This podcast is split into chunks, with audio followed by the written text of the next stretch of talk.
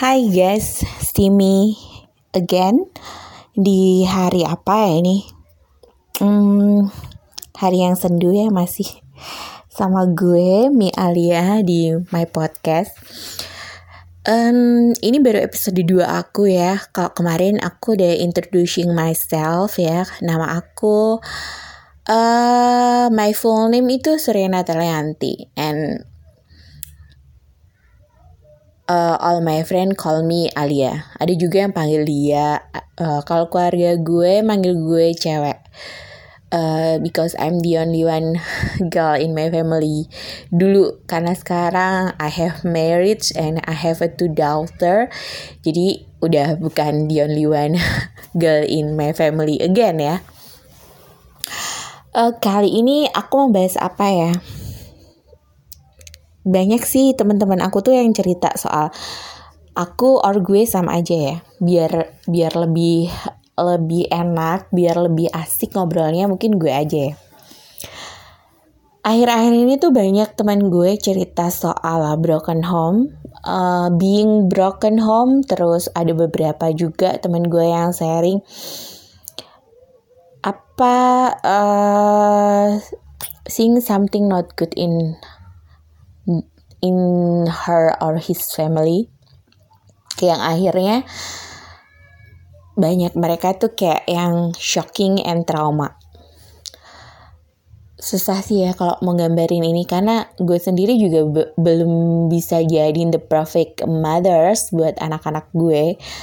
Kadang gue juga nggak bisa nahan yang namanya emotional control gue kalau gue lagi dalam fase yang bener-bener uh, stressful kayak gitu. Pasti ada kalanya gue meledak gitu. Cuman udah nggak intens lagi.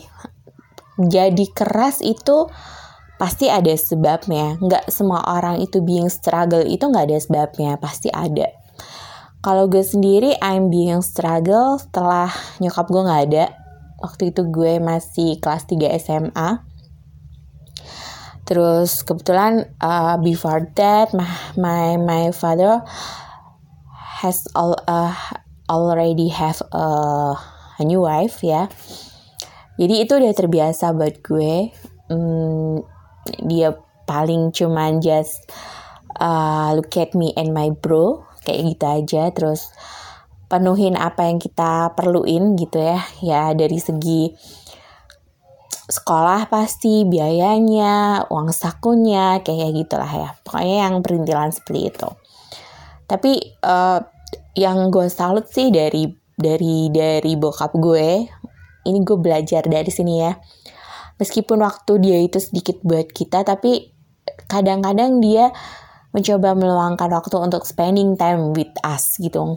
Nggak uh, walaupun nggak lama kadang cuman beberapa jam tapi itu uh, sangat berarti buat kita gitu. Mungkin hanya just family talking di rumah terus uh, dinner di mana gitu atau enggak kadang-kadang kita cuman makan di pinggir jalan aja gitu. Just spending time agar kita punya quality time buat communicate uh, each other. Yang karena yang hilang kan itu ya gitu. Karena nggak setiap saat kita ketemu sama bokap gitu kan.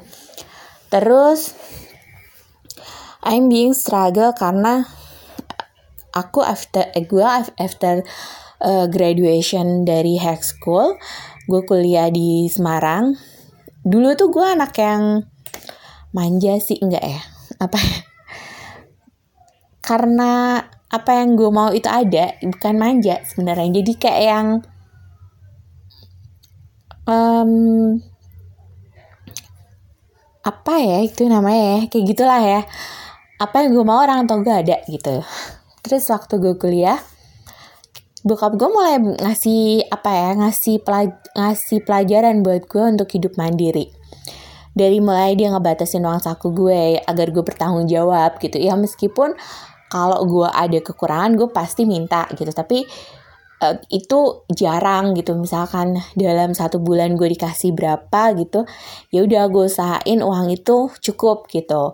Kalau emang bener-bener urgent dan ternyata nggak cukup baru gue ngomong gitu. Itu dia termasuk uang makan gue di kosan sampai gue harus bikin tugas-tugas kuliah, uang bensin gue karena gue naik motor, terus juga uang saku gue saat gue les bahasa Inggris. Semua itu udah di spend uh, bokap gue segitu dan lo harus bisa ngatur uang lo tuh segitu gitu. Tapi cuma untuk kebutuhan lain kayak yang namanya cewek ya pasti kadang-kadang gue butuh buat ke sana ke sini ya nggak sih? Gue pasti minta itu. Terus setelah gue lulus dari kuliah kebetulan alhamdulillah gue lulus cepet ya. Gue kebetulan uh, kuliah cuma tiga setengah tahun. Dan waktu itu gue sudah berhasil mewujudkan keinginan bokap gue kalau IPK gue harus di atas 3 lumayan lah ya 3,2 seenggaknya gue sudah mengikuti apa mengikuti apa yang dia inginkan gitu kan. Karena nggak mudah buat gue dapetin 3,2 jadi mahasiswa teknik informatika zaman dulu ya terus setelahnya gue balik lagi ke rumah. Ada beberapa pekerjaan yang gue kerjakan bersama teman-teman gue.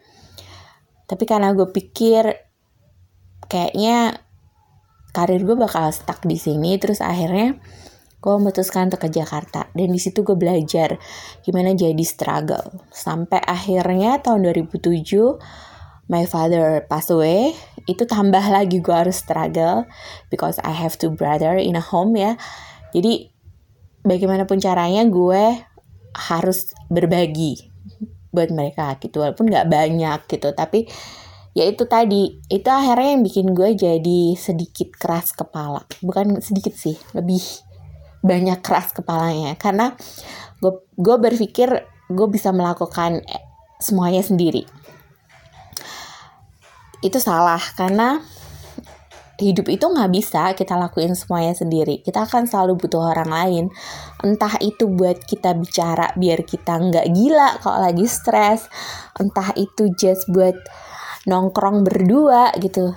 Itu tetap aja kita butuh orang lain. Kita nggak pernah bisa hidup sendiri. Dan ada juga orang yang bilang gini, money can buy anything gitu. Dengan uang kita bisa bayar apa aja sampai kita bisa bayar orang buat ngurusin kita nanti kalau sakit di hari tua dan dan lain sebagainya. Tapi itu anggapan yang salah. Iya kalau ada orang yang mau ngurusin lo pada saat lo tua dengan uang lo itu. Kalau enggak, iya kalau orang orang itu betah. Kalau enggak, lo kan mesti harus cari another people buat ngurusin lo di hari tua kan gitu. Jangan jangan jadi ini mendewakan uang untuk segala hal gitu. Terus ada beberapa teman gue tuh kemarin sharing jadi karena eh, di keluarganya itu nggak harmonis ya jadi sering aja sering ada pertengkaran di depan dia sampai akhirnya dia shock. Dia shocking karena dia melihat hmm, tindakan kekerasan di dalam rumahnya dia gitu yang yang itu terekam jelas di ingatan dia gitu.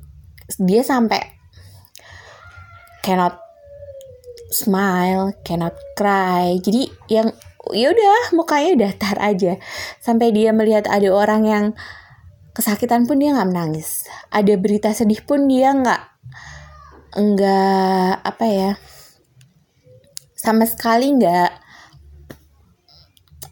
nggak ikut dalam kesedihan itu nggak larut dalam kesedihan itu gitu dia sampai bingung kenapa nih sama gue? Ada apa nih sama gue? Gitu. Sampai akhirnya kadang dia jalan tuh sampai mau ketabrak motor karena saking dia shockingnya itu bikin ekspresi dia jadi flat gitu. Terus waktu itu gue cuma bilang sama dia gini kamu coba ini deh apa karena gue gue beragama muslim ya cobain zikir cobain istighfar terus kamu coba berdoa terus kamu coba healing aja sama diri kamu sendiri. Sebenarnya apa yang terjadi akhir-akhir ini? Terus gue harus apa? Gue harus berbuat apa? Terus uh, apa yang harus gue lakukan agar gue nggak seperti ini? Gitu kan? Terus kamu coba skip cerita-cerita sedih. Kamu coba cari bahan-bahan yang lucu tiap harinya. Entah itu sejam atau dua jam entah kamu baca cerita lucu entah kamu nonton uh, drakor yang lucu atau kamu dengerin podcast yang lucu, komedian podcast ya. Whatever lah, yang penting itu bikin bikin kamu bisa mulai merasa sedih, merasa terta merasa bahagia lagi gitu. Terus beberapa bulan udah berlalu dia udah cerita dia udah bisa dia dia udah mulai bisa ketawa dia udah mulai bisa nangis gitu-gitu terus dia udah mulai bisa ngelihat ekspresi sedih kalau ngelihat sesuatu kejadian yang memang menguras air mata kayak gitu. Tapi baru-baru ini dia cerita lagi. Jadi uh, dia dia mulai timbul keinginan sehari itu dia ingin menyakiti dirinya sendiri. Dan gue bilang itu nggak bagus. Kamu harus berusaha untuk menghilangkan itu. Entah kamu kalau udah mulai punya perasaan itu kamu pergi dari rumah main sama temenmu ngobrol atau apa atau kamu cerita sama siapa atau just you sharing uh, dengan keluarga keluargamu mungkin dengan tantamu mungkin dengan kakakmu gitu-gitu ya. Atau kamu mencoba melakukan suatu kegiatan yang bisa melupakan itu gitu. Ya walaupun itu nggak mudah ya nggak nggak gampang. Makanya dari dari dari dulu tuh gue selalu bilang kalau terjadi sesuatu di keluargamu dan kamu begitu sesak ingin sekali kamu melemparkan amarah gitu jangan kau lemparkan itu di depan suamimu atau istrimu di saat ada anak-anakmu gitu. Karena pada saat kalian berantem pada saat kalian bertengkar begitu anakmu mendengarkan itu yang akan terjadi gitu. Dan itu yang akan mereka rasakan. Dan itu yang akan membentuk karakter mereka. Ini nggak satu dua orang sih karena di beberapa kehidupan gue enggak eh, di kehidupan gue di beberapa keadaan keluarga teman-teman gue itu ada yang seperti itu gitu. Sampai karena seringnya ayahnya melontarkan kata-kata kasar terhadap ibunya itu akhirnya terjadi uh, hal sebaliknya gitu. Begitu anaknya growing up udah udah jadi dewasa gitu itu akhirnya uh, dia dia dia dia berganti melontarkan kata-kata yang nggak bagus itu meluapkan emosinya itu terhadap orang tuanya gitu. Itu yang nggak bagus gitu. Karena memang sebagai orang tua tuh nggak mudah gitu. Kita kita dipercaya menjadi orang tua itu agar kita bisa ngaca sih sama diri kita gitu. Walaupun ini sebenarnya gue juga belum belum bisa sempurna belum belum jadi orang tua yang bagus. Ada kalanya pun gue kesal juga. Ada kalanya pun gue marah juga sama anak-anak gue gitu. Tapi gue menghindari itu gitu. Gue menghindari untuk tidak berantem di area ketika anak-anak gue masih ada di situ gitu. Ya gimana caranya aja gitu. Entah akhirnya berantemnya lewat WA atau entah berantemnya pada saat mereka udah tidur gitu. Yang penting tidak ada kata-kata kasar yang kita ucapkan di depan anak kita gitu aja. Karena itu akan iya gitu mereka akan kayak apa ya itu kayak mengulang gitu loh. Jadi mereka akan nyimpennya di memorinya mereka gitu. Kalau gue sendiri sih gue gue lebih bersyukur bersyukur uh, being a broken home. Tapi gue bisa struggle gitu. Maksudnya gue menyadari gitu kalau apa yang terjadi dalam keluarga gue itu nggak sepenuhnya benar juga gitu. Tapi itu mengajarkan kalau mengajarkan ke diri gue uh, bahwa yang namanya apa pun yang terjadi di dalam keluargamu itu yang namanya perhatian kasih sayang komunikasi itu harus tetap terjalin. Itu nomor satu gitu. Jadi itu yang diajarkan bokap gue. Meskipun bokap gue itu jarang pulang ke rumah meskipun bokap gue jarang mau ngontrol anak-anak ya gitu ya. Dia dia percaya 100% sama anak-anaknya tapi dia selalu berusaha gimana caranya ada waktu buat kita gitu. Entah cuman ngobrol sebentar entah cuman makan bareng sebentar gitu. Tapi dia selalu nyari waktu untuk bisa ketemu sama kita gitu. Itu yang gue appreciate sama bokap gue sampai sampai sekarang gitu. Gue belajar dari situ. Walaupun bokap gue selalu bilang kalau ya namanya orang tua itu nggak pernah bisa jadi sempurna. Sometimes orang tua itu pasti ada salahnya. Jadi gimana kita ngasih tahu ke anak-anak kita kalau kalau kita bisa jadi orang tua yang baik meskipun kita nggak sempurna, meskipun kita banyak salahnya kayak gitu sih. Itu yang gue pelajarin.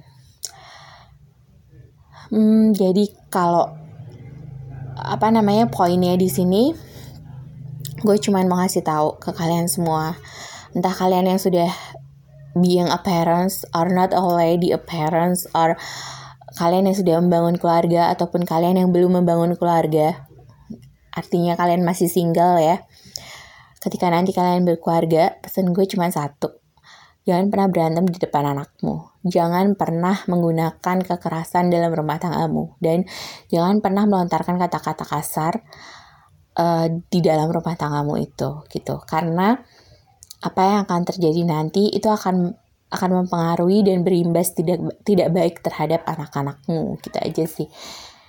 Itu itu itu semua semua kayak gitu menurut gue. Jadi nggak nggak ada nggak ada nggak ada apa ya namanya kulit mulus yang tergores suka tuh nggak sakit pasti sakit. Even itu hanya ketusuk jarum itu tetap membekas sakitnya gitu.